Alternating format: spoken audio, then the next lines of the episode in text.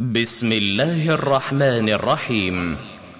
صدى القمم تقدم متن الكافية الشافية في الانتصار للفرقة الناجية نونية ابن القيم للإمام أبي عبد الله محمد بن أبي بكر بن أيوب بن القيم الجوزية رحمه الله تعالى. والمتوفى سنة إحدى وخمسين وسبعمائة من الهجرة النبوية على صاحبها أفضل الصلاة وأتم التسليم أداء أبي داود. سليمان ابن محمد ابن عبد الله الشويهي قدم له كل من فضيلة الشيخ العلامة عبد الله ابن عبد العزيز العقيل. رئيس الهيئة الدائمة بمجلس القضاء الأعلى سابقا. بسم الله الرحمن الرحيم. الحمد لله رب العالمين. وصلى الله وسلم وبارك على عبده ورسوله نبينا محمد وعلى آله وأصحابه أجمعين. وبعد فقد أهدى إلي فضيلة الشيخ سليمان بن محمد الشويهي عددا من أشرطة الكاسيت المحتوية على عدد من القصائد العلمية والأراجيز لعدد من المتون العلمية بصوته الجميل حيث هو يحسن الترنم بالنظم والأراجيز ويعرف أوزانها واستمعت إلى عدد منها مثل مختصر البخاري وصحيح الإمام مسلم وموطأ الإمام مالك وكذلك ألفية ابن مالك في النحو. ومتن الورقات في أصول الفقه وعدد من المتون المختصرة في العقيدة وفي التجويد. وقد أعجبت بصنيعه وسرني ذلك حيث قرب هذه المتون للمستمعين من طلاب العلم وغيرهم لا سيما المسافر الذي يقطع ملل السفر بالاستماع إلى هذه الأشرطة. المفيدة. فجزاه الله خيرا على هذا الصنيع وأكثر من أمثاله وزادنا وإياه من العلم النافع والإخلاص لوجهه الكريم. قال ذلك الفقير إلى الله عبد الله بن عبد العزيز بن عقيل حامد لله مصليا مسلما على عبده ورسوله نبينا محمد وعلى آله وأصحابه أجمعين. وذلك في يوم الثلاثاء تسعة عشر جماد الأولى عام ألف وأربعمائة وثمانية وعشرين للهجرة وصلى الله على محمد وآله وصحبه وسلم. وفضيلة الشيخ العلامة عبد الله بن عبد الرحمن الجبرين عضو إفتاء سابقا. بسم الله الرحمن الرحيم. الحمد لله والصلاة والسلام على رسول الله وعلى آله وصحبه. وبعد المتون العلمية التي حرص العلماء رحمهم الله على كتابتها وعلى الاجتهاد فيها. لا شك أن لها فائدة كبيرة ولا شك أن العلماء بذلوا جهدا كبيرا في جمع تلك المتون سواء ما يتعلق بعلوم القرآن التي تتعلق بأصول التفسير أو تتعلق بالتجويد أو ما أشبه ذلك أو كذلك التي تتعلق بمصطلح الحديث والتي بذل العلماء جهودا فيها وحرصوا على أن تكون مفيدة ونافعة أو كذلك التي تتعلق بالعقيدة بعقيدة أهل السنة والجماعة فإنها أيضا ذات أهمية وبالأخص في هذه الأزمنة التي ظهر فيها قوم يجددون معتقد الأشاعرة ومعتقد المعتزلة ومعتقد الصوفية ومعتقد القبوريين ومعتقد الرافضة ونحوهم والتي انتشرت وكثر الذين يعتنقونها ويدعون إليها فكان لا بد من تجديد هذه العقائد التي جاهد أهل السنة على جمعها وضمنوها الأدلة الواضحة التي تدل على ما كان عليه سلف الأمة وأئمتها والتي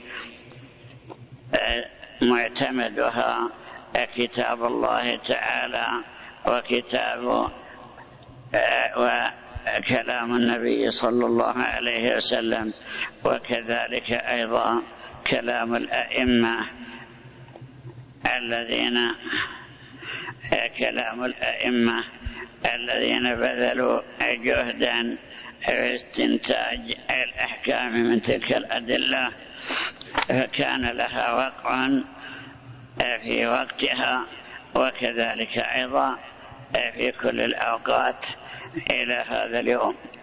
فإذا عرفنا أهميتها فإن الاعتناء بها له مكانته وكذلك أيضا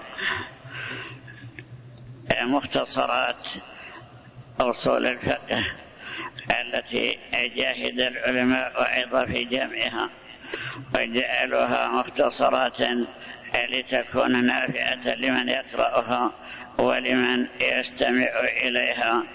وكذلك أيضا مختصرات الفقه سواء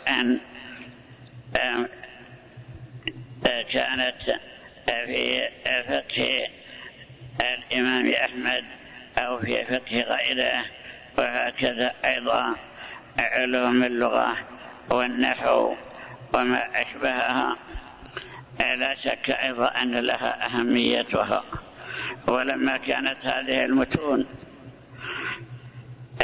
من الأهمية بمكان رأى كثير من العلماء طبعها ونشرها وتفريقها في المجتمعات حتى لا يكون هناك أحد يعتنق ما يخالفها من المذاهب الباطلة وحتى يكون فيها فائدة في أي فن من الفنون سواء النحو واللغة العربية أو الفقه وأصول الفقه أو ما أشبه ذلك.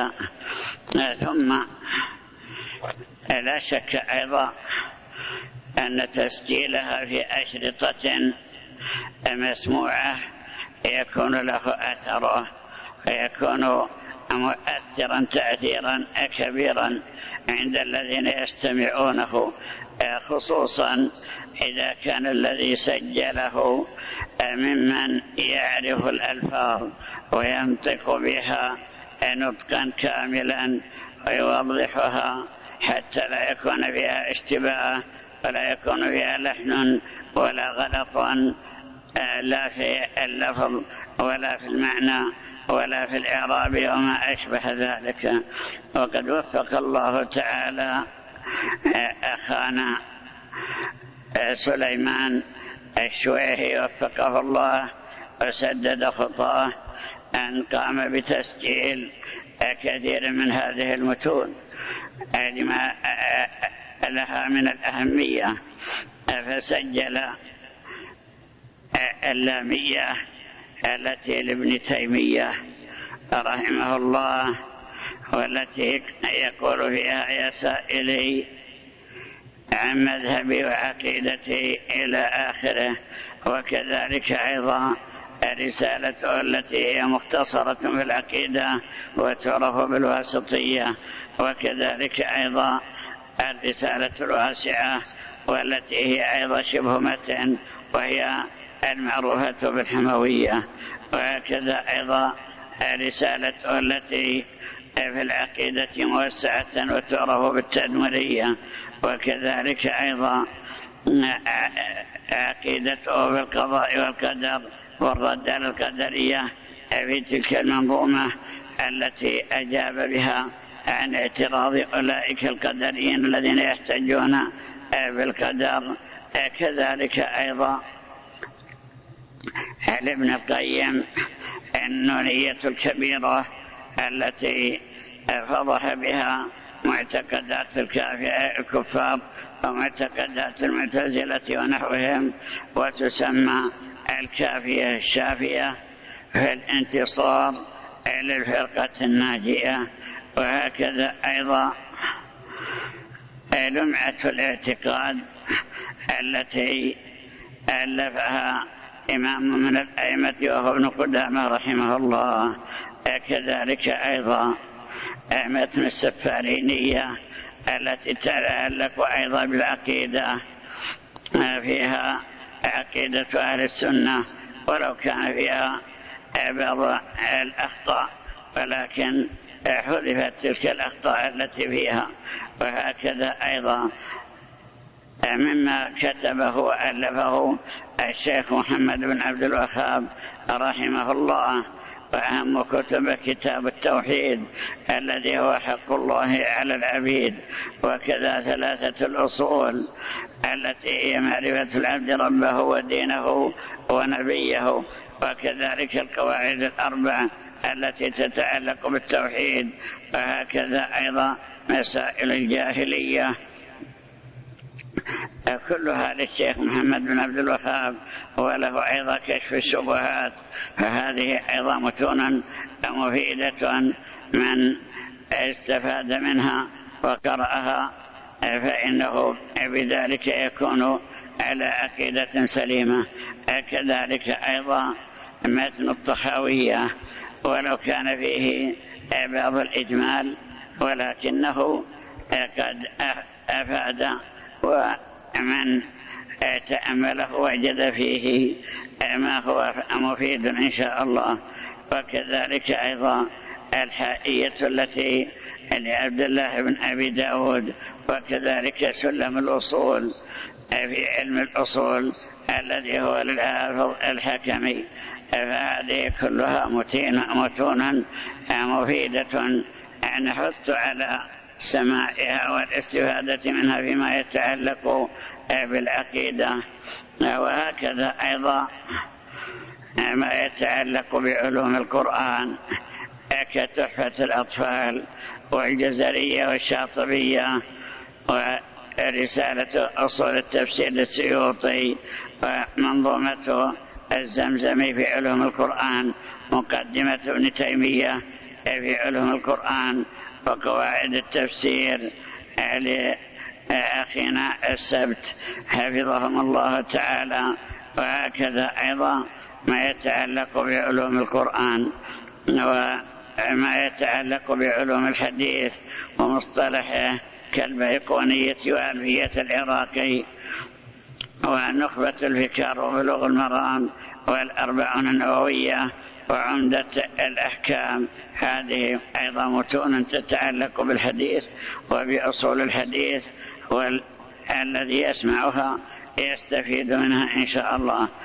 كذلك أيضا المتون التي تتعلق بالفقه وبأصول الفقه كالورقات والرحبية وزاد المستقنع ورسالة أصول الفقه ومراكز السعود والقواعد الفقهية لابن سعدي كلها إذا سمعها وأنصت إليها الذي يريد الاستفادة استفاد منها إن شاء الله. كذلك أيضا ما يتعلق بالنحو ما يتعلق باللغة. مثل متن الآية الرومية مع صغره فإنه رسالة مفيدة. وهكذا أيضا نظمها نظم الآية الرومية وألفية بن مالك ولمية الأفعال لابن مالك وقطر الندى والدرة اليتيمة. كل هذه نحث على سماعها والاستفادة منها. فإن أخانا سليمان الذي قام بتسجيلها ما قصد بذلك إلا الخير وأراد بذلك نفع المستفيدين كذلك أيضا له أيضا متونا يسعى في تسجيلها وقد نفع الله بها كالتفسير الميسر ومختصر صحيح البخاري للزبيدي ومختصر صحيح مسلم المنذري وموطأ مالك ومنتقى الأخبار. مع سعة المجد بن تيمية وعمدة الفقه لابن قدامة ودليل الطالب للشيخ مرعي وأقصر المختصرات لابن بلبان الكوكب الساطع نظم جمع الجوامع في أصول الفقه وألفية السيرة النبوية العراقي وعقود الجمان في علم البلاغة والمعلقات العشر فيما يتعلق باللغة منظومة الرام منظومة الرام الخزرجية في العروض والكوافي وكذلك القواعد الفقهية للأهدل وعنوان الحكم وقصيدة الألبيري ومختصر السيرة والسلم في المنطق ومنهاج السالكين للسعدي وحلية طالب العلم أبي بكر أبو زيد. فهذه كلها مما سعى أخونا في تسجيلها لأجل أن يفيد العالم ومن يريد سماعها والاستفادة منها بحيث أنه يستطيع الاستفادة ولو كان مضطجعا على فراشه بسماع صوت حسن وقراءة سليمة ليس فيها أخطاء ولا لحن ولا غير ذلك يستفيد منها أيضا. ولو كان يقود سيارته عن هذه الأشرطة هكذا أيضا يستفيد منها الجماعة بسماعها ولو كانوا مئة أو نحو ذلك فنقول شكر الله لأخينا سليمان وعتابه خيرا ووفقه. لمثل هذا العمل الخيري وقد نصحه الذي أشار إليه أن يسجل هذه المتون وكذلك هو فعل خيرا باختياره لهذه المتون المفيدة فوفقه الله وسدد خطاه ونفع بعلومه وجزى الله من انتفع بها خير الجزاء ونحث أيضا على نشرها وعلى تسجيلها وتفريقها في أطراف المملكة وكذلك في خارج المملكة ليعم النفع للمسلمين فإن سماع مثل هذه الأشرطة يكون فيه خير كثير للمستمعين سواء الموافقين أو غير الموافقين. ونقول إن على كل مسلم يشهد شهادتين أن يأخذ الحق من أهله وأن يتلقى العلم الصحيح وأن يقتنع به وأن لا يتعصب لعقيدة أو لمذهب غير صحيح وبذلك يكون منصفا قابلا للحق بفضل الله تعالى. والله تعالى أعلم.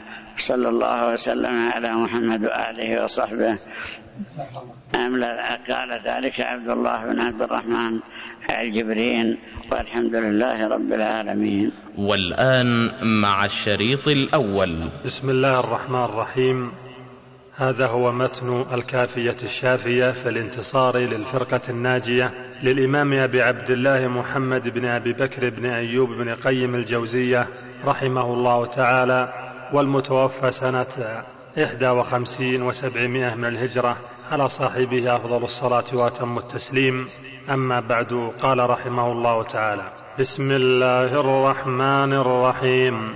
الحمد لله الذي شهدت له بالربوبية جميع مخلوقاته واقرت له بالعبودية جميع مصنوعاته وأدت له الشهادة جميع الكائنات أنه الله الذي لا إله إلا هو بما أودعها من لطيف صنعه وبديع آياته وسبحان الله وبحمده عدد خلقه ورضا نفسه وزنة عرشه ومداد كلماته. ولا إله إلا الله الأحد الصمد الذي لا شريك له في ربوبيته.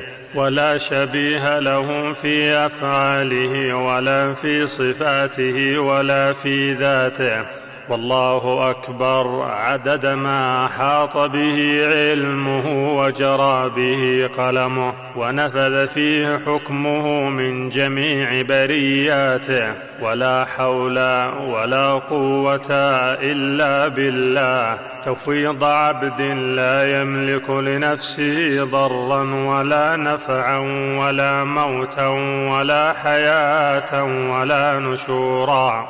بل هو بالله وإلى الله في مبادئ أمره ونهاياته. وأشهد أن لا إله إلا الله وحده لا شريك له ولا صاحبة له ولا ولد له ولا كفء له الذي هو كما أثنى على نفسه وفوق ما يثني عليه أحد من جميع برياته وأشهد أن محمدا عبده ورسوله وأمينه على وحيه وخيرته من بريته وسفيره بينه وبين عباده وحجته على خلقه. أرسله بالهدى ودين الحق بين يدي الساعة بشيرا ونذيرا وداعيا إلى الله بإذنه وسراجا منيرا. ارسله على حين فترة من الرسل وطموس من السبل ودروس من الكتب والكفر قد اضطرمت ناره وتطاير في الآفاق شراره وقد استوجب أهل الأرض أن يحل بهم العقاب وقد نظر الجبار تبارك وتعالى إليهم فمقتهم عربهم وعجمهم. إلا بقايا من أهل الكتاب وقد استند كل قوم إلى ظلم آرائهم وحكموا على الله سبحانه بمقالاتهم الباطلة واهواءهم وليل الكفر مدلهم ظلامه شديد قتامه وسبيل الحق عافية آثاره مطموسة أعلامه. ففلق الله سبحانه بمحمد صلى الله عليه وسلم صبح الإيمان.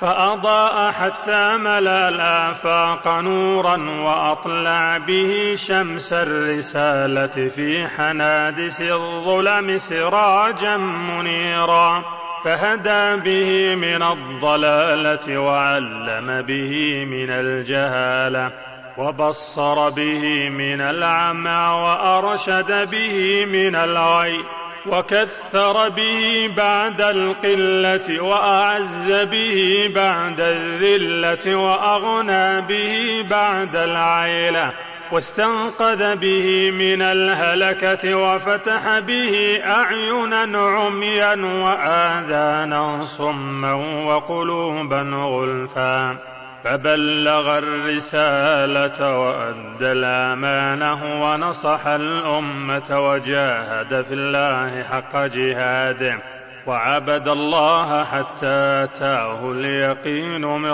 ربه وشرح الله له صدره ورفع له ذكره ووضع عنه وزره وجعل الذلة والصغار على من خالف أمره وأقسم بحياته في كتابه المبين وقرن اسمه باسمه فإذا ذكر ذكر معه كما في الخطب والتشهد والتأذين فلا يصح لأحد خطبة ولا تشهد ولا أذان ولا صلاة حتى يشهد أنه عبده ورسوله شهادة اليقين فصلى الله وملائكته وأنبياؤه ورسله وجميع خلقه عليه كما عرفنا بالله وهدانا إليه وسلم تسليما كثيرا.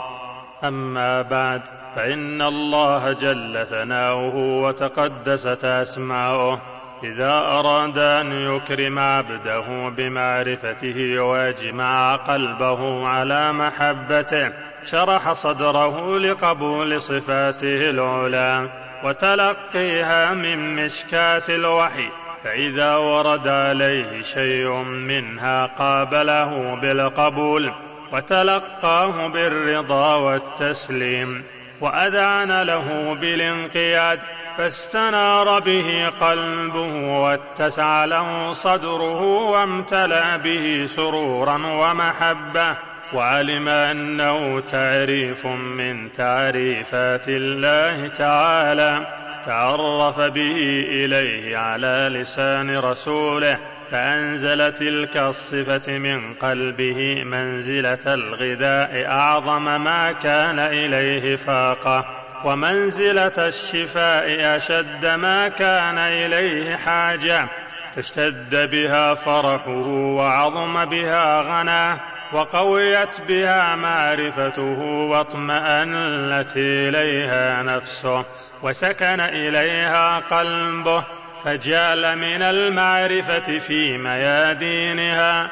وأسام عين بصيرته بين رياضها وبساتينها لتيقنه بأن شرف العلم تابع لشرف معلومه ولا معلوم أعظم وأجل ممن هذه صفته وهو ذو الأسماء الحسنى والصفات العلى وأن شرفه أيضا بحسب الحاجة إليه وليست حاجة الأرواح قط إلى شيء أعظم منها إلى معرفة بارئها وفاطرها ومحبته وذكره والابتهاج به وطلب الوسيلة إليه والزلفى عنده ولا سبيل إلى هذا إلا بمعرفة أوصافه وأسمائه فكلما كان العبد بها أعلم كان بالله أعرف وله أطلب وإليه أقرب وكلما كان لها أنكر كان بالله أجهل وإليه أكره. ومنه أبعد والله تعالى ينزل العبد من نفسه حيث ينزل العبد من نفسه. فمن كان لذكر أسمائه وصفاته مبغضا وعنها معرضا نافرا ومنفرا فالله له أشد بغضا وعنه أعظم إعراضا وله أكبر مقتا. حتى تعود القلوب على قلبين قلب ذكر الأسماء والصفات قوته وحياته ونعيمه وقرة عينه. لو فارقه ذكرها ومحبتها ساعة لاستغاث لاستغاث يا مقلب القلوب ثبت قلبي على دينك فلسان حاله يقول يراد من القلب نسيانكم وتأبى الطباع على الناقلين ويقول وإذا تقاضيت الفؤاد تناسيا ألفيت أحشائي بذاك شحاحا ويقول إذا مرضنا تداوينا بذكركم فنترك الذكر أحيانا فننتكس ومن المحال أن يذكر القلب من هو محارب لصفاته نافر من سماعها معرض بكليته عنها. زاعم أن السلامة في ذلك. كلا والله إن هو إلا الجهالة والخذلان. والإعراض عن العزيز الرحيم. فليس القلب الصحيح قط إلى شيء أشوق منه إلى معرفة ربه تعالى وصفاته وأفعاله وأسمائه ولا أفرح بشيء قط كفرحه بذلك وكفى بالعبد خذلانا أن يضرب على قلبه صرادق الإعراض عنها والنفرة والتنفير والاشتغال بما لو كان حقا لم ينفع إلا بعد معرفة الله تعالى الإيمان به وبصفاته وأسمائه. والقلب الثاني قلب مضروب بسياط الجهالة فهو عن معرفة ربه ومحبته مصدود وطريق معرفة أسمائه وصفاته كما أنزلت عليه مسدود. قد قمش شبها من الكلام الباطل وارتوى من ماء عجن غير طائل. تعج منه آيات الصفات وأحاديثها إلى الله عجيجا وتضج منه إلى منزلها ضجيجا مما يسومها تحريفا وتعطيلا. ويولي معانيها تغييرا وتبديلا. قد أعد لدفعها أنواعا من العدد وهيأ لردها ضروبا من القوانين.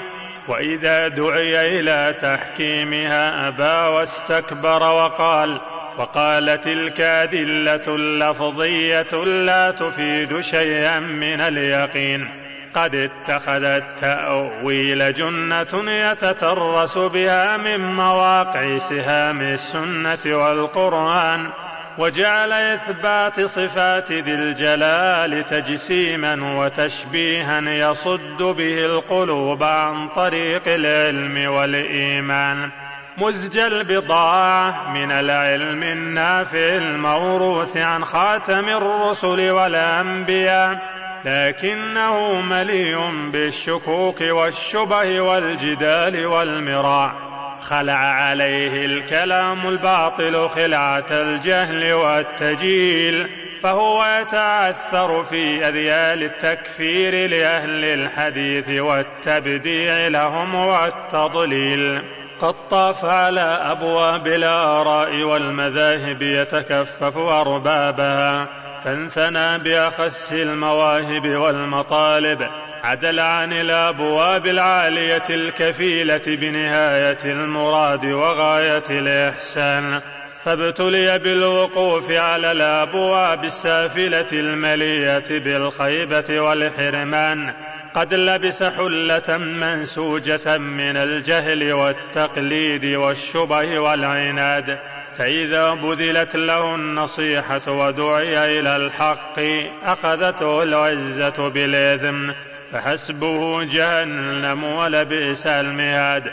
فما أعظم المصيبة بهذا وأمثاله على الإيمان وما شد الجناية به على السنة والقرآن وما أحب جهاده بالقلب واليد واللسان إلى الرحمن. وما أثقل أجر ذلك الجهاد في الميزان والجهاد بالحجة والبيان مقدم على الجهاد بالسيف والسنان. ولهذا أمر به تعالى في السور المكية حيث لا جهاد باليد إنذارا وتعذيرا. فقال تعالى فلا تطع الكافرين وجاهدهم به جهادا كبيرا. وامر تعالى بجهاد المنافقين والغلظة عليهم مع كونهم بين أظهر المسلمين في المقام والمسير. فقال تعالى يا أيها النبي جاهد الكفار والمنافقين واغلظ عليهم ومأواهم جهنم. ومأواهم جهنم وبئس المصير. فالجهاد بالعلم والحجة جهاد أنبياء الله ورسله وخاصته من عباده المخصوصين بالهداية والتوفيق والاتفاق. ومن مات ولم يغزو ولم يحدث نفسه بغزو مات على شعبة من النفاق. وكفى بالعبد عما وخذلانا أن يرى عساكر الإيمان وجنود السنة والقرآن قد لبسوا للحرب لأمته وأعدوا له عدته وأخذوا مصافهم ووقفوا مواقفهم وقد حمي الوطيس ودارت رحى الحرب واشتد القتال وتنادت الأقران نزال نزال وهو في الملجأ والمغارات والمدخل مع الخوالف كمين. وإذا ساعد القدر وعزم على الخروج قعد فوق التل مع الناظرين. ينظر لمن الدائرة ليكون إليهم من المتحيزين. ثم يأتيهم وهو يقسم بالله جهد إيمانه إني كنت معكم وكنت أتمنى أن تكونوا أنتم الغالبين. فحقيق بمن لنفسه عنده قدر وقيمة ألا يبيعها بأخس الأثمان وألا يعرضها غدا بين يدي الله ورسوله لمواقف الخزي والهوان وأن يثبت قدمه في صفوف أهل العلم والإيمان.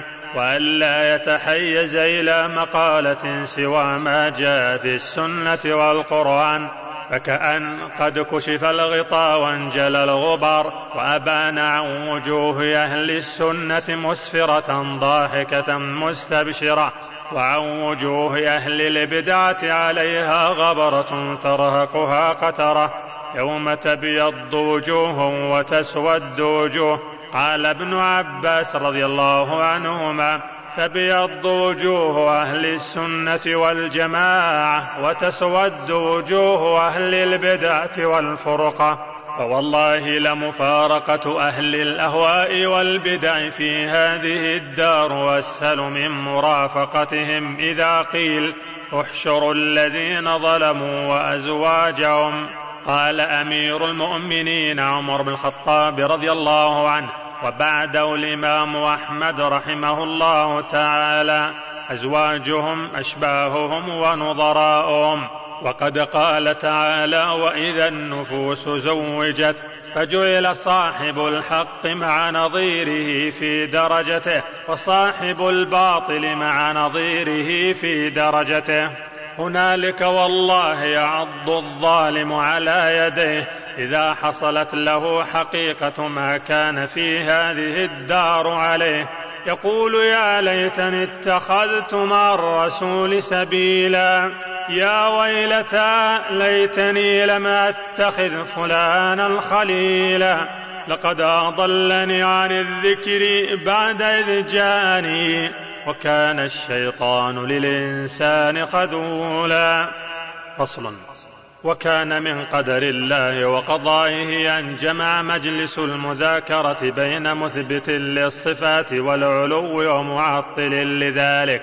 فاستطعم المعطل المثبت الحديث استطعام غير جائع إليه. ولكن غرضه عرض بضاعته عليه فقال له ما تقول في القرآن ومسألة الاستواء؟ فقال المثبت نقول فيهما ما قال ربنا تبارك وتعالى وما قاله نبينا محمد صلى الله عليه وسلم. نصف الله تعالى بما وصف به نفسه وبما وصفه به رسوله من غير تحريف ولا تعطيل ومن غير تشبيه ولا تمثيل بل نثبت له سبحانه وتعالى ما أثبته لنفسه من الأسماء والصفات وننفي عنه النقائص ومشابهة المخلوقات إثباتا بلا تمثيل وتنزيها بلا تعطيل فمن شبه الله تعالى بخلقه فقد كفر ومن جحد ما وصف الله به نفسه فقد كفر. وليس ما وصف الله به نفسه أو وصفه به رسوله تشبيها. فالمشبه يعبد صنما والمعطل يعبد عدما. والموحد يعبد إلها واحدا صمدا ليس كمثله شيء وهو السميع البصير. والكلام في الصفات كالكلام في الذات فكما أنا نثبت ذاتا لا تشبه الذوات. فكذا نقول في صفاته إنها لا تشبه الصفات. فليس كمثله شيء لا في ذاته ولا في صفاته ولا في أفعاله.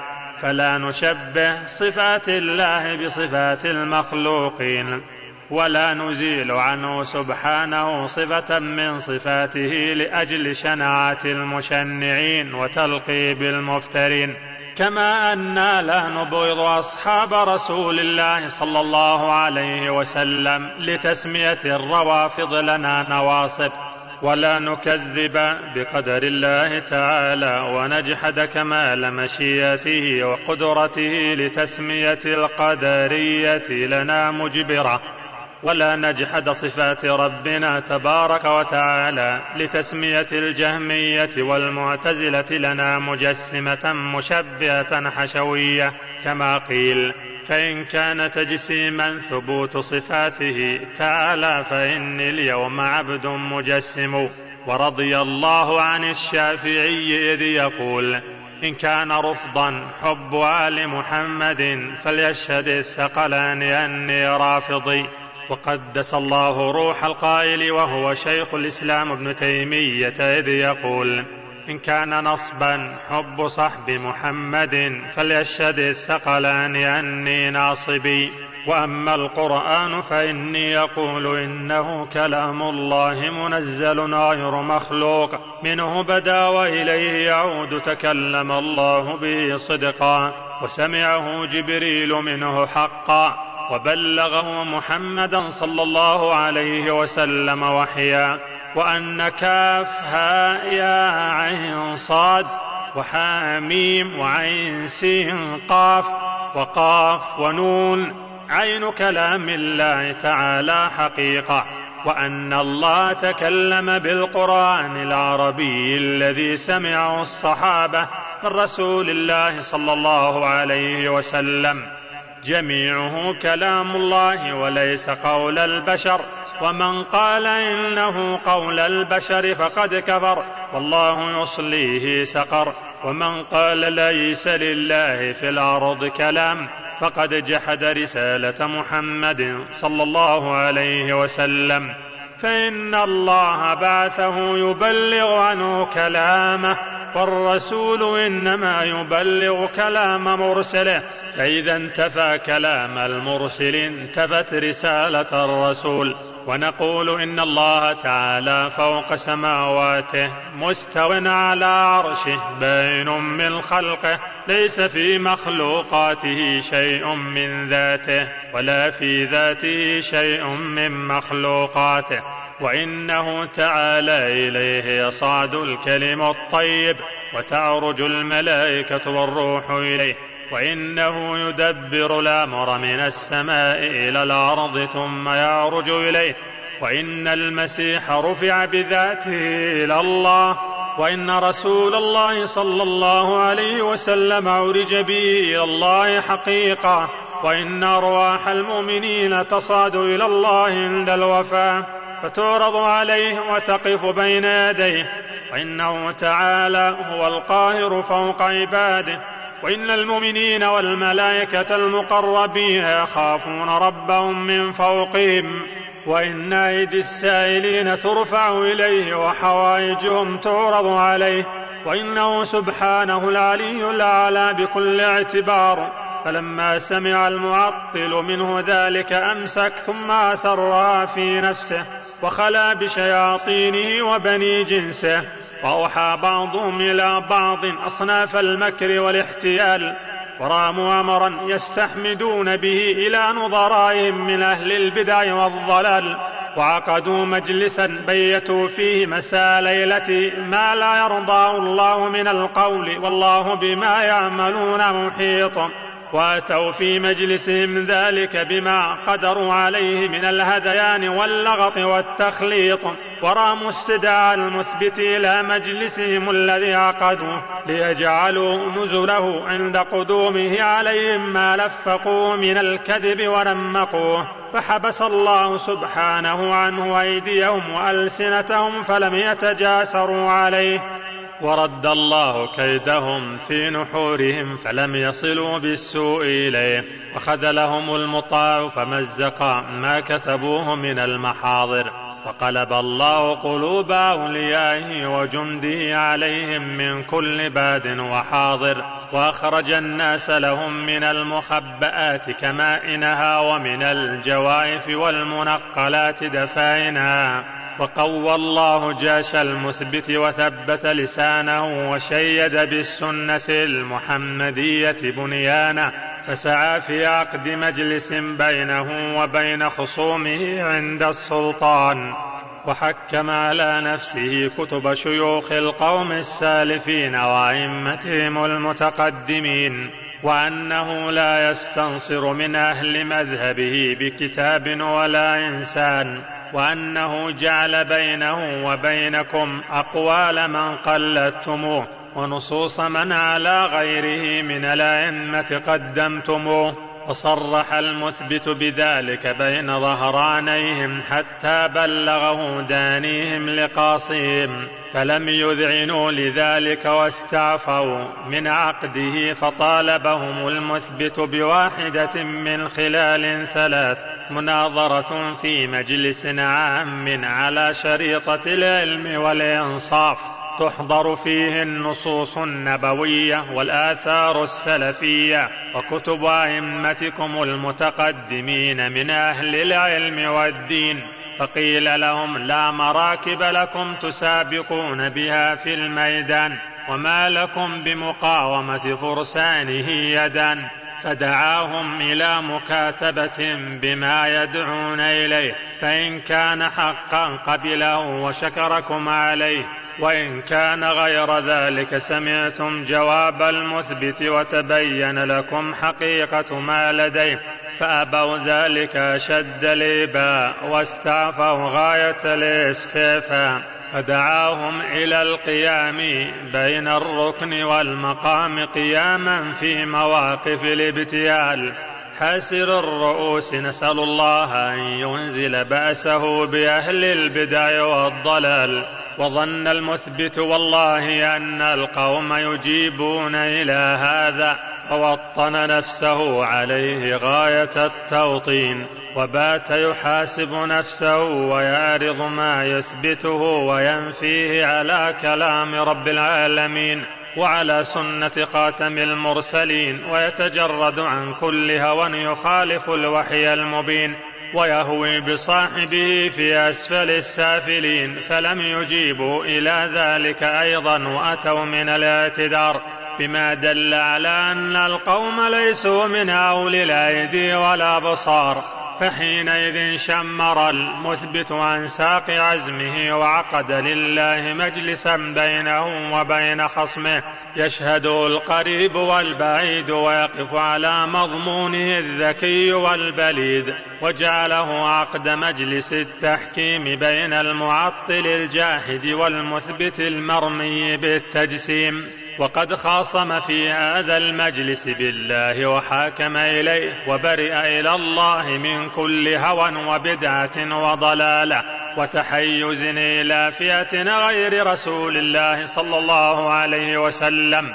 والله سبحانه المسؤول ألا يكله إلى نفسه ولا إلى شيء مما لديه وأن يوفقه في جميع حالاته لما يحب ويرضاه. فإن أزمة الأمور بيديه وهو يرغب إلى من يقف على هذه الحكومة أن يقوم لله قيام متجرد عن هواه قاصدا لرضاء مولاه ثم يقرأها متفكرا ويعيدها ويبدئها متدبرا ثم يحكم فيها بما يرضي الله ورسوله وعباده المؤمنين.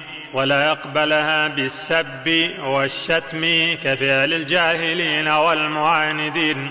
فإن رأى حقا قبله وشكر عليه وإن رأى باطلا رده على قائله وأهدى الصواب إليه. فإن الحق لله ورسوله والقصد أن تكون كلمة السنة هي العليا. جهادا في الله وفي سبيله والله عند لسان كل قائل وقلبه وهو المطلع على نيته وكسبه. وما كان أهل التعطيل أولياءه إن أولياؤه إلا المتقون المؤمنون المصدقون. وقل اعملوا فسيرى الله عملكم ورسوله والمؤمنون. وستردون إلى عالم الغيب والشهادة فينبئكم بما كنتم تعملون. فصل. وهذه أمثال حسان مضروبة للمعطل والمشبه والموحد. ذكرتها قبل الشروع في المقصود. فإن ضرب الأمثال مما يأنس به العقل لتقريبها المعقول من المشهود. وقد قال تعالى وكلامه المشتمل على أعظم الحجج وقواطع البراهين وتلك الأمثال نضربها للناس وما يعقلها إلا العالمون. وقد اشتمل منها على بضعة وأربعين مثلا وكان بعض السلف إذا قرأ مثلا لم يفهمه اشتد بكاؤه ويقول ويقول لست من العالمين وسنفرد لها إن شاء الله كتابا مستقلا متضمنا لأسرارها ومعانيها وما تضمنته من فنون العلم وحقائق الإيمان. وبالله المستعان وعليه التكلان.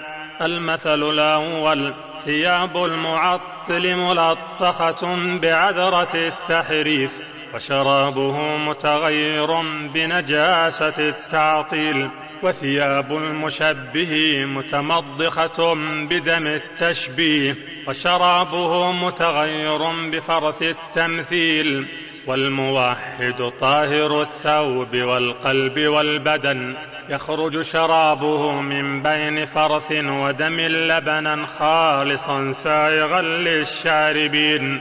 المثل الثاني شجرة المعطل مغروسة على شفا جرف نار وشجرة المشبه قد اجتثت من فوق الأرض ما لها من قرار وشجرة الموحد أصلها ثابت وفرها في السماء تؤتي أكلها كل حين بإذن ربها ويضرب الله الأمثال للناس لعلهم يتذكرون. المثل الثالث شجرة المعطل شجرة الزقوم الحلوق السليمة لا تبلعها وشجرة المشبي شجرة الحنظل والنفوس المستقيمة لا تتبعها وشجرة الموحد طوبى يسير الراكب في ظلها مئة عام لا يقطعها. المثل الرابع المعطل قد اتخذ قلبه لوقاية الحر والبرد بيت العنكبوت والمشبه قد خسف بعقله فهو يتجلجل في أرض التشبيه إلى البهموت وقلب الموحد يطوف حول العرش ناظرا إلى الحي الذي لا يموت. المثل الخامس. مصباح المعطل قد عصفت عليه أهوية التعطيل فطفئ وما أنار ومصباح المشبه قد غرقت فتيلته في عكر التشبيه فلا يقتبس منه الأنوار ومصباح الموحد يتوقد من شجرة مباركة زيتونة لا شرقية ولا غربية يكاد زيتها يضيء ولو لم تمسسه نار. المثل السادس قلب المعطل متعلق بالعدم فهو أحقر الحقير وقلب المشبه عابد الصنم. الذي قد نحت بالتصوير والتقدير والموحد قلبه متعبد لمن ليس كمثله شيء وهو السميع البصير. المثل السابع نقود المعطل كلها زيوف فلا تروج علينا. وبضاعة المشبي كاسدة فلا تنفق لدينا وتجارة الموحد ينادى عليها يوم العرض على رؤوس الأشهاد. هذه بضاعتنا ردت إلينا. المثل الثامن المعطل كنافخ الكير إما أن يحرق ثيابك وإما أن تجد منه ريحا خبيثة والمشبه كبائع الخمر إما أن يسكرك وإما أن ينجسك والموحد كبائع المسك إما أن يحذيك وإما أن يبيعك وإما أن تجد منه رائحة طيبة. المثل التاسع المعطل قد تخلف عن سفينة النجاة ولم يركبها. فأدركه الطوفان والمشبه قد انكسرت به في اللجة فهو يشاهد الغرق بالعيان. والموحد قد ركب سفينة نوح وقد صاح به الربان. اركبوا فيها بسم الله مجريها ومرساها إن ربي لغفور رحيم. المثل العاشر منهل المعطل كسراب بقيعة يحسبه الظمان ماء؟ حتى إذا جاءه لم يجدوا شيئا فرجع خاسيا حسيرا. ومشرب المشبه من ماء قد تغيرت طعمه ولونه وريحه بالنجاسة تغييرا. ومشرب الموحد من كأس كان مزاجها كافورا. عينا يشرب بها عباد الله يفجرونها تفجيرا. فقد سميتها بالكافية الشافية في الانتصار للفرقة الناجية. وهذا حين الشروع في المحاكمة. والله المستعان وعليه التكلان ولا حول ولا قوة إلا بالله. حكم المحبة ثابت الأركان ما للصدود بفسخ ذاك يداني أن وقاضي الحسن نفذ حكمها فلذا أقر بذلك الخصمان. وأتت شهود الوصل تشهد أنه حق جرى في مجلس الإحسان. فتأكد الحكم العزيز فلم يجد فسخ الوشاة إليه من سلطان. ولأجل ذا حكم العدو لتدعت الأركان منه فخر للأذقان. ولأجل ذا حكم العدو لتدعت الأركان منه فخر للأركان. وأتى الوشاة فصادفوا الحكم الذي حكموا به متيقن البطلان. ما صادف الحكم المحل ولا هو استوفى الشروط فصار ذا بطلان. فلذاك قاضي الحسن أثبت محضرا بفساد حكم الهجر والسلوان. وحكى لك الحكم المحال ونقضه فاسمع إذا يا من له أذنان. حكم الوشاة بغير ما برهان أن المحبة والصدود لدار. والله ما هذا بحكم مقسط أين الغرام وصد ذي هجران؟ شتان بين الحالتين فإن ترد جمعا فما الضدان يجتمعان. يا والها هانت عليه نفسه إذ باعها غبنا بكل هوان. أتبيع من تهواه نفسك طايعا بالصد والتعذيب والهجران. أجهلت أوصاف المبيع وقدره أم كنت ذا جهل بذي الأثمان؟ واهل لقلب لا يفارق طيره الأغصان قائمة على الكثبان ويظل يسجع فوقها ولغيرها منها الثمار وكل قطف داني ويبيت يبكي والمواصل ضاحك ويظل يشكو وهو ذو شكران هذا ولو أن الجمال معلق بالنجم هم إليه بالطيران. لله زائرة بليل لم تخف عسس الأمير ومرصد السجان. قطعت بلاد الشام ثم تيممت من أرض طيبة مع طلع الإيمان. واتت على وادي العقيق فجاوزت ميقاته حلا بلا نكران. واتت على وادي الأراك ولم يكن قصدا لها فلم بأن ستراني. واتت على عرفات ثم محسر ومنا فكم نحراته من قرباني واتت على الجمرات ثم تيممت ذات الستور وربة الأركان. هذا وما طافت ولا استلمت ولا رمت الجمار ولا سعت لقراني. وعلت على أعلى الصفا فتيممت دارا هنالك للمحب العاني.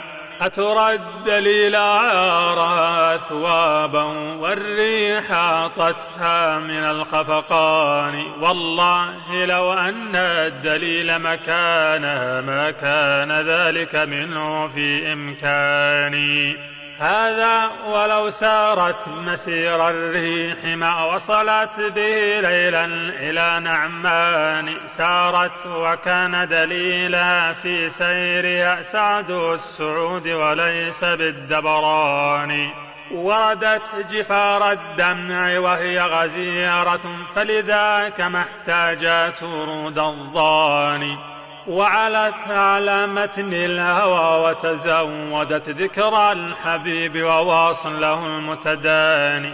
وعدت بزورتها فأوفت بالذي وعدت وكان بملتقى الأجفان لم تفجأ المشتاق إلا وهي داخلة الستور بغير ما استئذان قالت وقد كشفت نقاب الحسن ما بالصبر لي عن أن أراك يداني وتحدثت عندي حديثا خلته صدقا وقد كذبت به العينان فعجبت منه وقلت من فرحي بي طمعا ولكن المنام داني.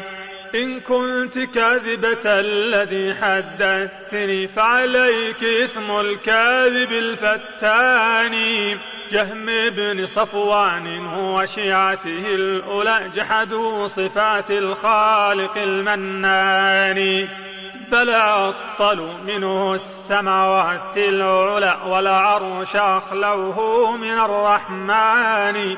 ونفوا كلام الرب جل جلاله وقضوا له بالخلق والحدثان. قالوا وليس لربنا سمع ولا بصر ولا وجه فكيف يداني؟ وكذاك ليس لربنا من قدرة وإرادة أو رحمة وحنان. كلا ولا وصف يقوم به سوى ذات مجردة بغير معاني. وحياته هي نفسه وكلامه وغيره فاعجب لذا البهتان. وكذاك قالوا ما له من خلق أحد يكون خليله النفسان وخليل المحتاج عندهم وفي ذا الوصف يدخل عابد الأوثان. فالكل مفتقر إليه لذاته في أسر قبضته ذليل عاني ولأجل ذا ضحى بجعد خالد القسري يوم ذبائح القربان. إذ قال إبراهيم ليس خليله كلا ولا موسى الكلم الداني. شكر الضحية كل صاحب سنة لله درك من أخي قرباني. والعبد عندهم فليس بفاعل بل فعله كتحرك الرجفان. وهبوا بريح أو تحرك نائم وتحرك الأشجار للميلان. والله يصليه على ما ليس من أفعاله حر الحميم الآن لكن يعاقبه على أفعاله فيه تعالى الله ذو الإحسان. والظلم عندهم المحال لذاته أنا ينزه عنه ذو السلطان. ويكون مدحا ذلك التنزيه ما هذا بمعقول لدى الأذهان. وكذاك قالوا ما لو من حكمة هي غاية للأمر والإتقان. ما ثم غير مشيئة قد رجحت مثلا على مثل بلا رجحان.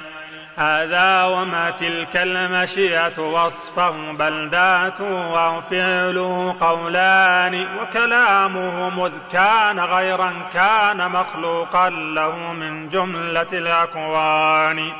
قالوا وإقرار العباد بأنه خلاقهم هو منتهى الإيمان والناس في الإيمان شيء واحد كالمشط عند تماثل الأسنان.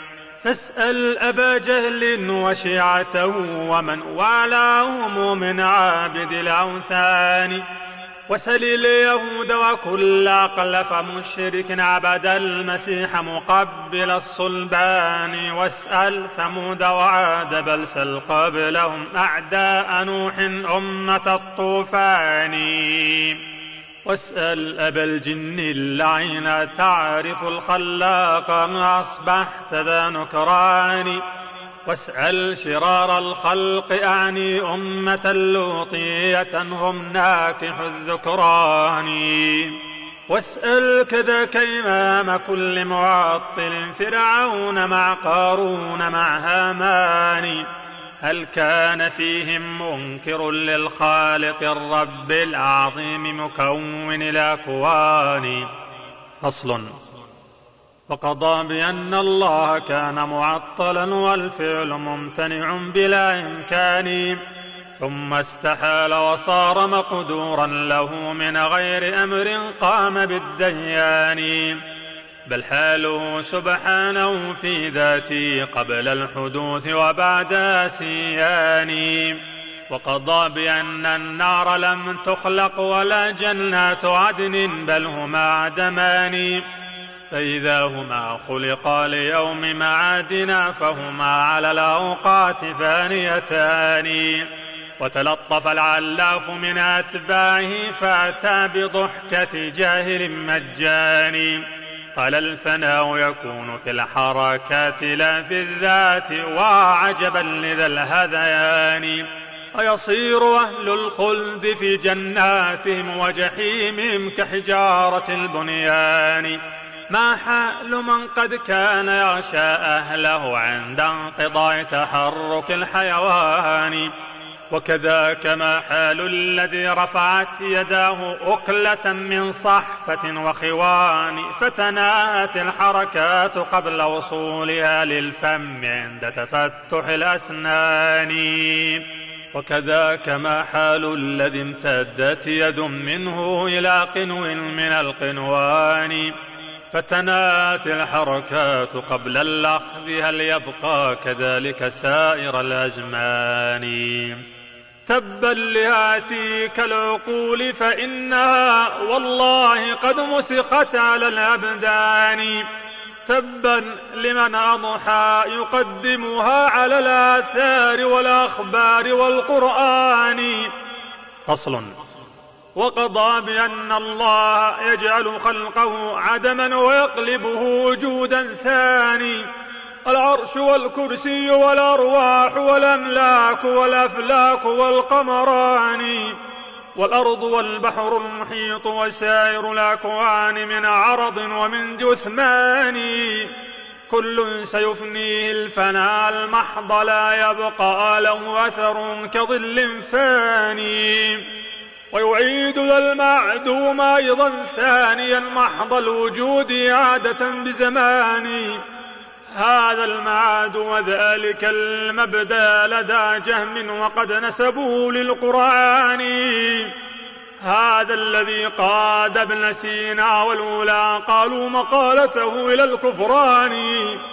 لم تقبل الأذهان ذا وتوهموا أن الرسول عناه بالإيمان.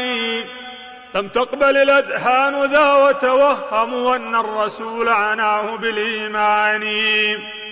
هذا كتاب الله أن قال ذا أو عبده المبعوث بالبرهان أو صحبه من بعده أو تابع لهم على الإيمان والإحسان. بل صرح الوحي المبين بأنه حقا مغير هذه الأكوان. فيبدل الله السماوات العلى والأرض أيضا ذان تبديلان وهما كتبديل الجلود لساكن النيران عند النضج من نيران. وكذاك يقبض أرضا وسماء بيديهما العدمان مقبوضان وتحدد الأرض التي كنا بها أخبارا في الحشر للرحمن. وتظل تشهد وهي عدل بالذي من فوقها قد أحدث الثقلان. أفيشهد العدم الذي هو كاسمه لا شيء هذا ليس بالإمكان. لكن تسوى ثم تبسط ثم تشهد ثم تبدل وهي ذات كيان. وتمد أيضا مثل مد يدي من, من غير أودية ولا كثبان. وتقيء يوم العرض ذا أكبادها كالأسطوان نفائس الأثمان. كل يراه بعينه وعيانه ما لامرئ بالأخذ منه يدان. وكذا الجبال تفت فتا محكما فتعود مثل الرمل ذي الكثبان وتكون كالعهن الذي ألوان وصباغه من سائر الألوان وتبس بسا مثل ذاك فتنثني مثل الهباء لناظر الإنسان وكذا البحار فإنها مسجورة قد فجرت تفجير ذي سلطان. وكذلك القمران يأذن ربنا لهما فيجتمعان يلتقيان. هذه مكورة وهذا خاسف وكلاهما في النار مطروحان. وكواكب الأفلاك تنثر كلها كلآلئ نثرت على ميدان وكذا السماء تشق شقا ظاهرا وتمور أيضا أيما موران وتصير بعد الانشقاق كمثل هذا المهل أو تكو وردة كدهان والعرش والكرسي لا يفنيهما أيضا وإنهما لمخلوقان. والحور لا تفنى كذلك جنة المأوى وما فيها من الولدان. ولأجل ذا قال جهم إنها عدم ولم تخلق إلى ذا الآن. والأنبياء فإنهم تحت الثرى أجسامهم حفظت من الديدان. مل البلا بلحومهم وجسومهم أبدا وهم تحت التراب يداني وكذاك عجب الظهر لا يبلى بلا منه تركب خلقة الإنسان. وكذلك الأرواح لا تبلى كما تبلى الجسوم ولا بلا اللحمان. ولأجل ذلك لم يقر الجهم بالأرواح خارجة عن الأبدان لكنها من بعض أعراض بها قمت وذا في غاية البطلان. فالشان للأرواح بعد فراقها أبداننا والله أعظم شان إما عذاب أو نعيم دائم قد نعمت بالروح والريحان. وتصير طيرا سارحا مع شكلها تجني الثمار بجنة الحيوان. وتظل واردة لأنهار بها حتى تعود لذلك الجثمان. لكن أرواح الذين استشهدوا في جوف طير الأخضر الريان فلهم بذاك مزية في عيشهم ونعيمهم للروح والأبدان. بذلوا الجسوم لربهم فعاضهم أجسام تلك الطير بالإحسان. ولها قناديل إليها تنتهي مأوى لا كمساكن الإنسان. فالروح بعد الموت أكمل حالة منها بهذه الدار في جثماني. وعذاب أشقاها أشد من الذي قد عاينت أبصارنا بعياني. والقائلون بأنها عرض أبودا كله تبا لذي نكراني. وإذا أراد الله إخراج الورى بعد الممات إلى المعاد الثاني ألقى على الأرض التي هم تحتها والله مقتدر وذو سلطان. مطرا غليظا أبيضا متتابعا عشرا وعشرا بعدها عشران فتظل تنبت منه أجسام الورى ولحومهم كمنابت الريحان. حتى إذا ملؤم حان ولادها وتمخضت فنفاسها متداني أوحى لها رب السماء فتشققت. فبدا الجنين كأكمل الشبان. وتخلت الأم الولود وأخرجت أثقالها أنثى ومن ذكران. والله ينشئ خلقه في نشأة أخرى كما قد قال في الفرقان. هذا الذي جاء الكتاب وسنة الهادي به فاحرص على الإيمان.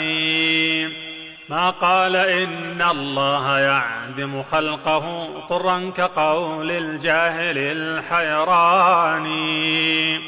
وقضى بأن الله ليس بفاعل فعلا يقوم به بلا برهان بل فعله المفعول خارج ذاته كالوصف غير الذات في الحسبان.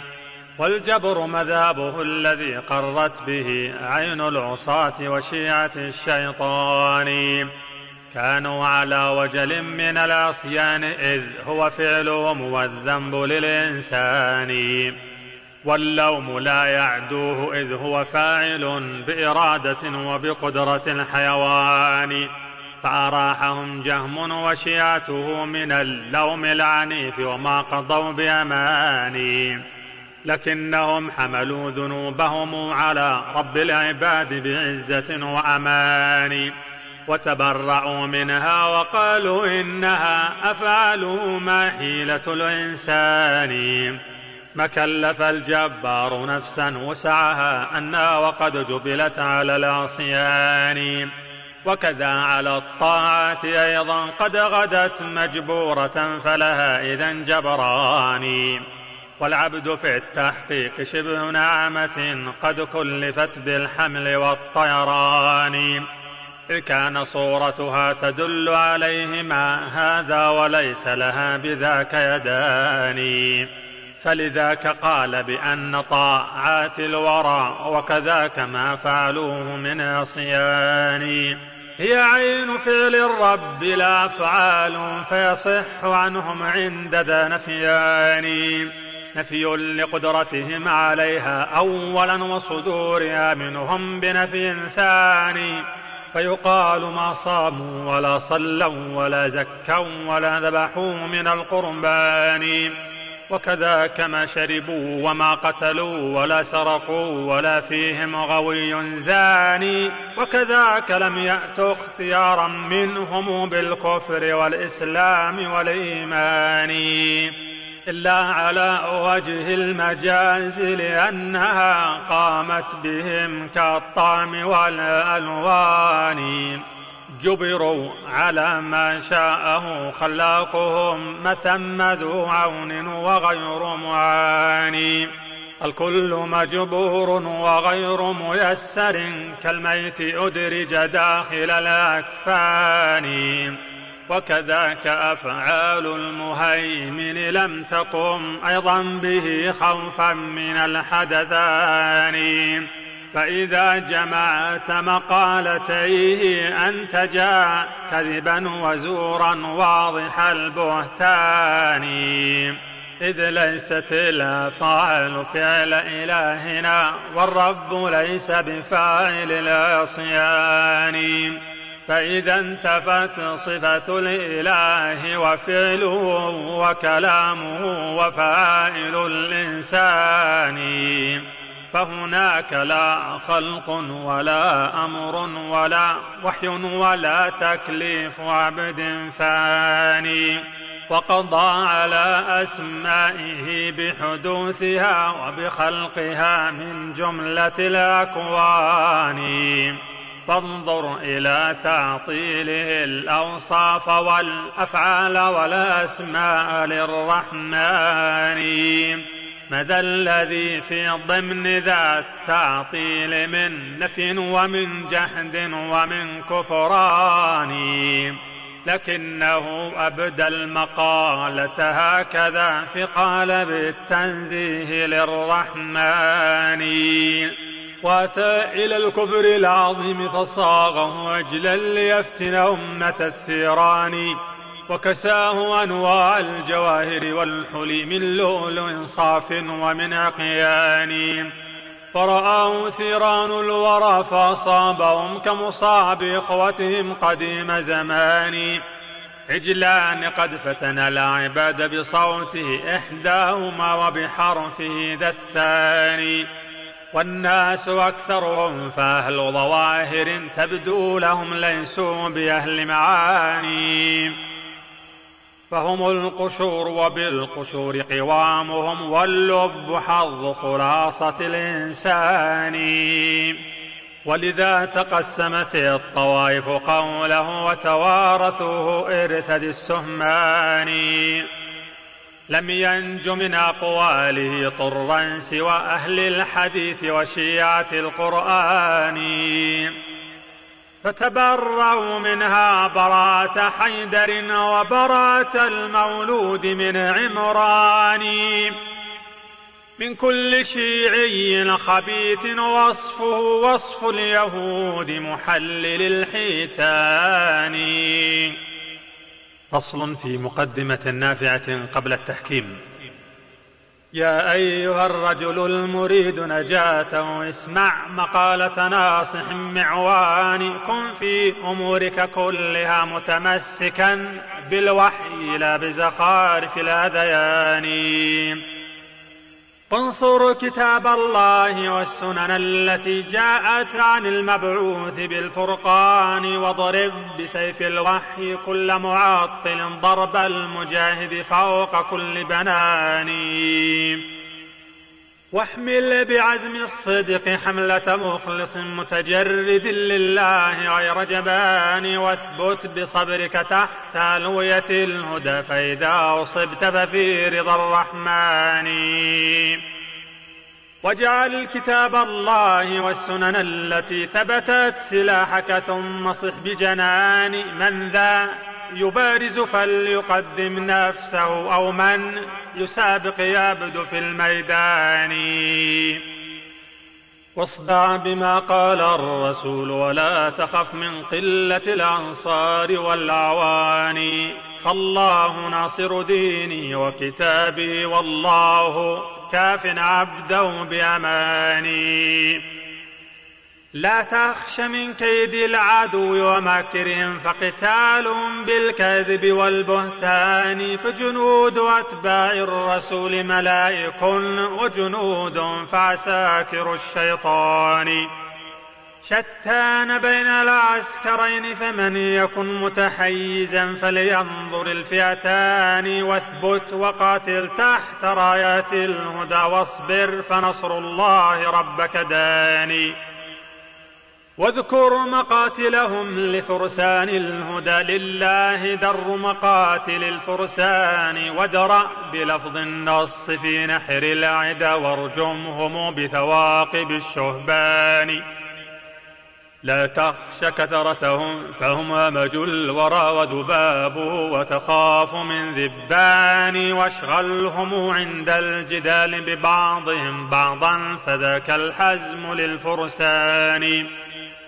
وإذا هم حملوا عليك فلا تكن فزعا لحملتهم ولا بجبان واثبت ولا تحمل بلا جند فما هذا بمحمود لدى الشجعان فإذا رأيت إصابة الإسلام قد وافت عساكرها مع السلطان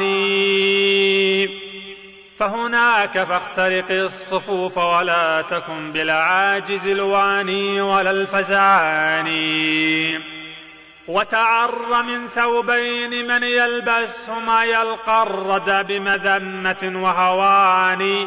ثوب من الجهل المركب فوقه ثوب التعصب بيسة الثوبان.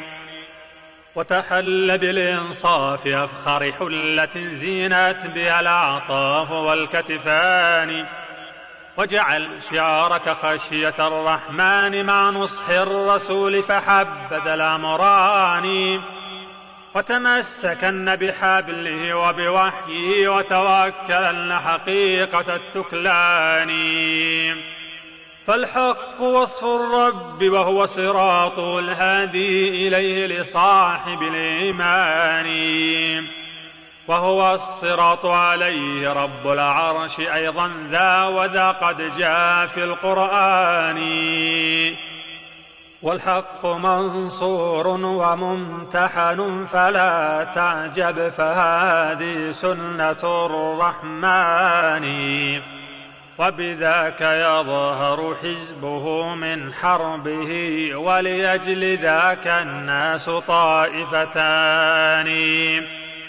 ولأجل ذاك الحرب بين الرسل والكفار مذ قام الورى سجلان. لكنما العقبى لأهل الحق إن فاتت هنا كانت لدى الديان. واجعل لقلبك هجرتين ولا تنم فهما على كل امرئ فرضان. فالهجرة الأولى إلى الرحمن بالإخلاص في سر وفي إعلان.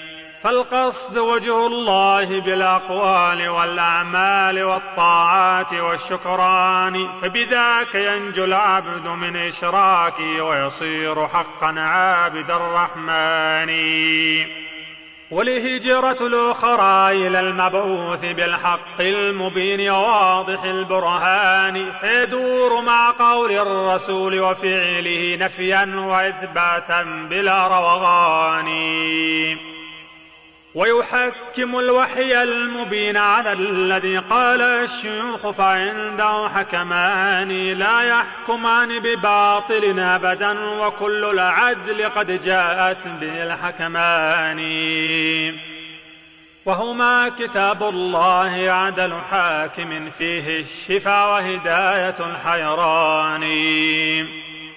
والحاكم الثاني كلام رسوله ما ثم غيرهما لذي إيمان. فإذا دعوك لغير حكمهما فلا سمعا لداعي الكفر ولا صيان قل لا كرامة لا ولا نعمى ولا طوعا لمن يدعو إلى طغيان. وإذا دعيت إلى الرسول فقل لهم سمعا وطوعا لست ذا عصيان وإذا تكاثرت الخصوم وصيحوا فاثبت فصيحتهم كمثل دخان يرقى إلى الأوج الرفيع وبعده يهوي إلى قعر الحضيض الداني. هذا وإن قتال حزب الله بالأعمال لا بكتائب الشجعان والله ما فتحوا البلاد بكثرة أنا وأعداهم بلا حسبان. وكذا كما فتحوا القلوب بهذه الآراء بل بالعلم والإيمان وشجاعة الفرسان نفس الزهد في نفس وذا محذور كل جبان. وشجاعة الحكام والعلماء زهد في الثنى من كل ذي بطلان. فإذا هما اجتمعا لقلب صادق شدت ركائبه إلى الرحمن. واقصد إلى الأقران لا أطرافها فالعز تحت مقاتل الأقران. واسمع نصيحة من له خبر بما عند الورى من كثرة الجولان. ما عندهم والله خير غير ما أخذوه عمن جاء بالقرآن والكل بعد فبدعة أو فرية أو بحث تشكيك ورأي فلان. فاصدع بأمر الله لا تخشى الورى في الله واخشاه تفز بأماني. واهجر ولو كل الورى في ذاته لفي هواك ونحوة الشيطان. واصبر بغير تسخط وشكاية واصفح بغير عتاب من هو جاني. واهجرهم الهجر الجميل بلا أذى إن لم يكن بد من الهجران. وانظر إلى الأقدار جارية بما قد شاء من غي ومن إيمان. واجعل لقلبك مقلتين كلاهما بالحق في ذا الخلق باصرتان فانظر بعين الحكم ورحمهم بها إذ لا ترد مشيات الديان. فانظر بعين الأمر واحملهم على أحكامه فهما إذا نظران. واجعل لوجهك مقلتين كلاهما من خشية الرحمن باكيتان.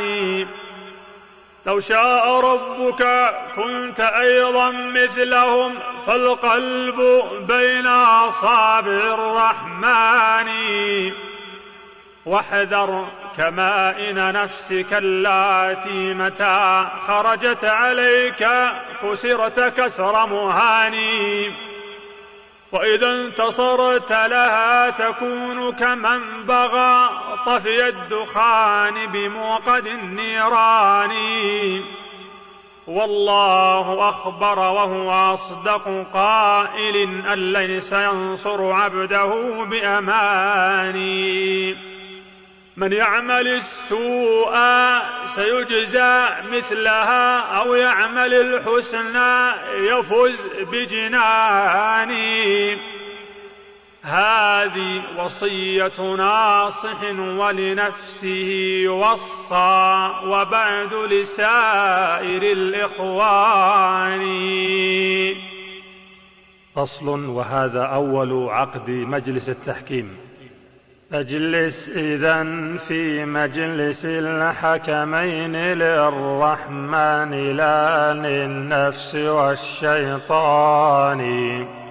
إحداهما النقل الصحيح وبعده العقل الصريح وفطرة الرحمن. واحكم إذا في رفقة قد سافروا يبغون فاطر هذه الأكوان. فترافقوا في سيرهم وتفارقوا عند افتراق الطرق بالحيران. فأتى فريق ثم قال وجدته هذا الوجود بعينه وعياني ما ثم موجود سواه وإنما غلط اللسان فقال موجودان.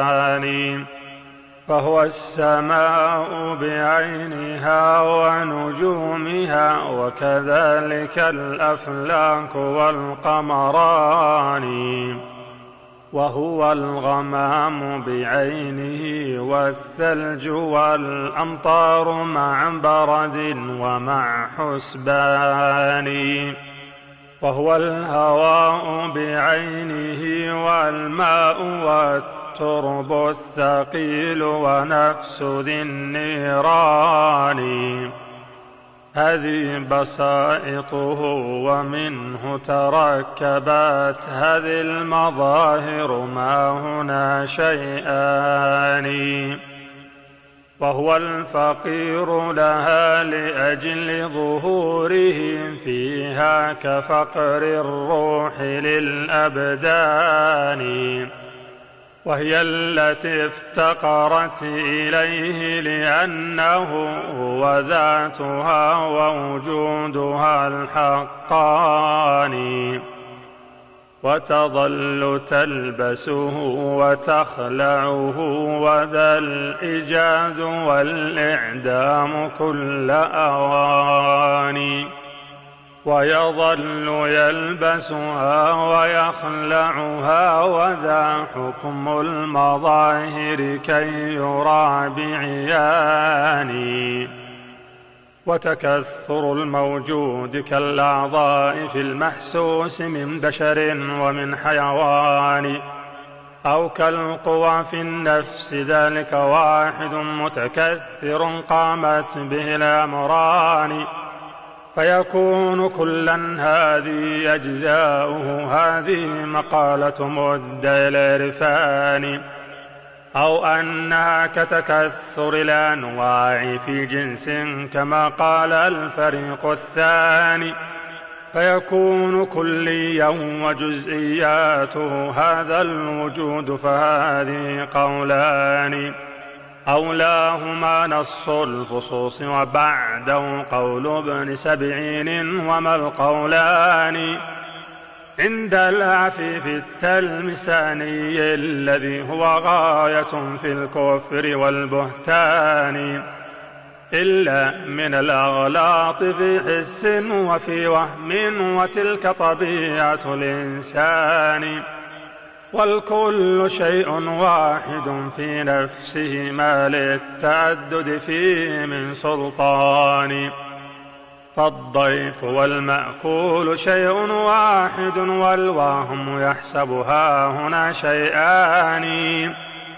وكذلك الموطوء عين الواط والوهم البعيد يقول ذان اثنان.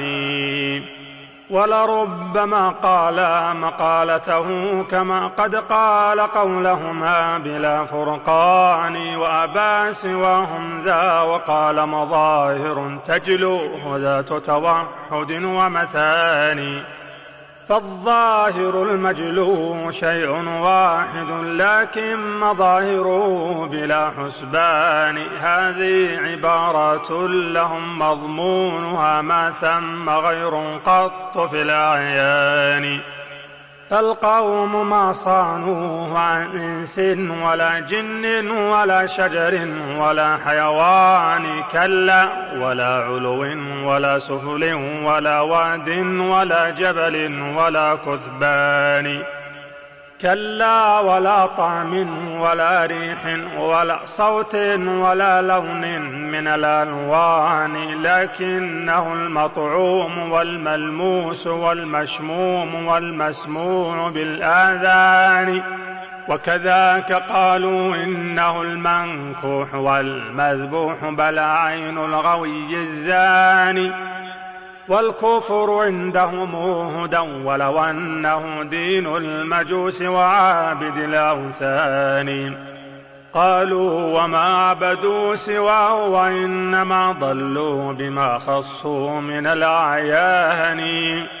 ولو أنهم عموا وقالوا كلها معبودة ما كان من كفران. فالكفر ستر حقيقة المعبود بالتخصيص عند محقق الرباني قالوا ولم يك كافرا في قوله أنا ربكم فرعون ذو الطغيان. بل كان حقا قوله إذ كان عين الحق مطلعا بهذا الشان ولذا غدا تغريق في البحر تطهيرا من الأوهام والحسبان. قالوا ولم يك منكرا موسى لما عبدوه من عجل لدى الخوران إلا على من كان ليس بعابد معهم وأصبح ضيق ذلك الأعطاني. ولذاك جر بلحية الأخ حيث لم يك واسعا في قومه لبطاني. بل فرق الإنكار منه بينهم لما سرى في وهمه غيراني. ولقد رأى إبليس عارفهم فأهوى بالسجود هوي ذي خضعاني. قالوا له ماذا صنعت فقال هل غير الإله وأنتم عميان ما ثم غير فاسجدوا إن شئتم للشمس والأصنام والشيطان. فالكل عين الله عند محقق والكل معبود لذي العرفان. هذا هو المعبود عندهم فقل سبحانك اللهم ذا السبحان. يا أمة معبودها موطوءها أين الإله وثورة الطعان؟ يا أمة قد صار من كفرانها جزء يسيرا جملة الكفران. فصل في قدوم ركب آخر. واتى فريق ثم قال وجدته بالذات موجودا بكل مكان. هو كالهواء بعينه لا عينه ملأ الخلو ولا يرى بعياني. القوم ما صانوه عن بير ولا قبر ولا حش ولا أعطاني. بل منهم من قد رأى تشبيهه بالروح داخل هذه الأبدان. ما فيهم من قال ليس بداخل أو خارج عن جملة الأكوان. لكنهم حاموا على هذا ولم يتجاسروا من عسكر الإيمان. وعليهم رد الأئمة وأحمد وصحابه من كل ذي عرفان. فهم الخصوم لكل صاحب سنة وهم الخصوم لمنزل القرآن. ولهم مقالات ذكرت أصولها لما ذكرت الجهم في الأوزان. فصل في قدوم ركب آخر. واتى فريق ثم قارب وصفه. هذا ولكن جد في النكران. فسر قول معطل ومكذب في قال بالتنزيه للرحمن. إذ قال ليس بداخل فينا ولا هو خارج عن جملة الأكوان. بل قال ليس بباين عنها ولا فيها ولا هو عينها ببيان. كلا ولا فوق السماوات العلا ولا عرش من رب ولا رحمن. والعرش ليس عليه معبود سوى العدم الذي هو لا شيء في الأعيان. بل حظه من ربه حظ الثرى منه وحظ قواعد البنيان. لو كان فوق العرش كان كهذه الأجسام سبحان العظيم الشان. ولقد وجدت لفاضل منهم مقاما قامه في الناس منذ زماني. قال اسمعوا يا قوم إن نبيكم قد قال قولا واضح البرهان. لا تحكموا بالفضل ليصلا على ذي النون يونس ذلك الغضبان هذا يرد على المجسم قوله الله فوق العرش والأكوان ويدل أن إلهنا سبحانه وبحمده يلفى بكل مكان. قالوا له بين لنا هذا فلم يفعل فأعطوه من الأثمان ألفا من الذهب العتيق فقال في تبيانه فاسمع لذا التبيان. قد كان يونس في قرار البحر تحت الماء في قبر من الحيتان ومحمد صعد السماء وجاوز السبع الطباق وجاز كل عنان. وكلاهما في قربه من ربه. سبحانه إذ ذاك مستويان. فالعلو والسفل اللذان كلاهما في بعده من ضده طرفان. إن ينسبا لله نزه عنهما بالاختصاص بلاهما سيان. بقرب من أضحى مقيما فيهما من ربه فكلاهما مثلان فلأجل هذا خص يونس دونهم بالذكر تحقيقا لهذا الشان. فأتى النثار عليه من أصحابه من كل ناحية بلا حسبان. فاحمد إلهك أيها السني إذ عفاك من تحريف ذي بهتان.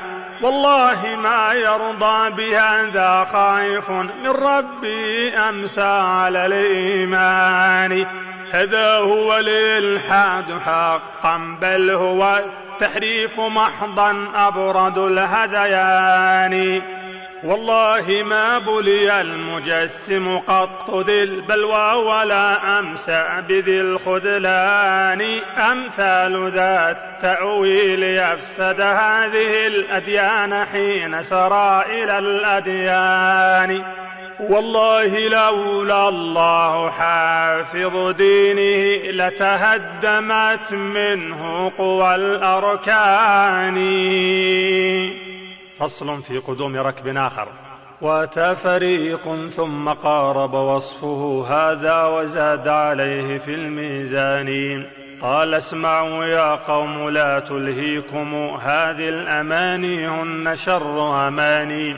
أتعبت راحلتي وكل مطيتي وبذلت مجهودي وقد أعياني. فتشت فوق وتحت ثم امامنا ووراء ثم يسار مع أيماني. ما دلني أحد عليه هناكم كلا ولا بشر إليه هداني. إلا طوائف بالحديث تمسكت تعزى مذاهبها إلى القرآن. قالوا الذي تبغيه فوق عباده فوق السماء وفوق كل مكان. وهو الذي حقا على العرش استوى لكنه استولى على الأكوان. وإليه يصعد كل قول طيب وإليه يرفع سعي ذي الشكران. والروح والأملاك منه تنزلت وإليه تعرج عند كل أوان وإليه أيد السائلين توجهت نحو العلو بفطرة الرحمن وإليه قد عرج الرسول فقدرت من قربه من ربه قوسان وإليه قد رفع المسيح حقيقة ولسوف ينزل كي يرى بعياني. وإليه يصعد روح كل مصدق عند الممات فينثني بآماني. وإليه آمال العباد توجهت نحو العلو بلا تواص ثاني. بل فطرة الله التي لم يفطروا إلا عليها الخلق والثقلان. ونظير هذا أنهم فطروا على إقرارهم لا شك بالديان. لكن أولو التعطيل منهم أصبحوا مرضى بداء الجهل والخذلان. فسألت عنهم رفقتي وأحبتي أصحاب جهم حزب جنكس خاني من هؤلاء ومن يقال لهم فقد جاءوا بأمر ما لي لا ولهم علينا صولة ما صالها ذو باطل بل صاحب البرهان. أوما سمعتم قولهم وكلامهم مثل الصواعق ليس ذا لجبان. جاءوكم من فوقكم وأتيتم من تحت ما أنتم سيان انتهى الشريط الأول.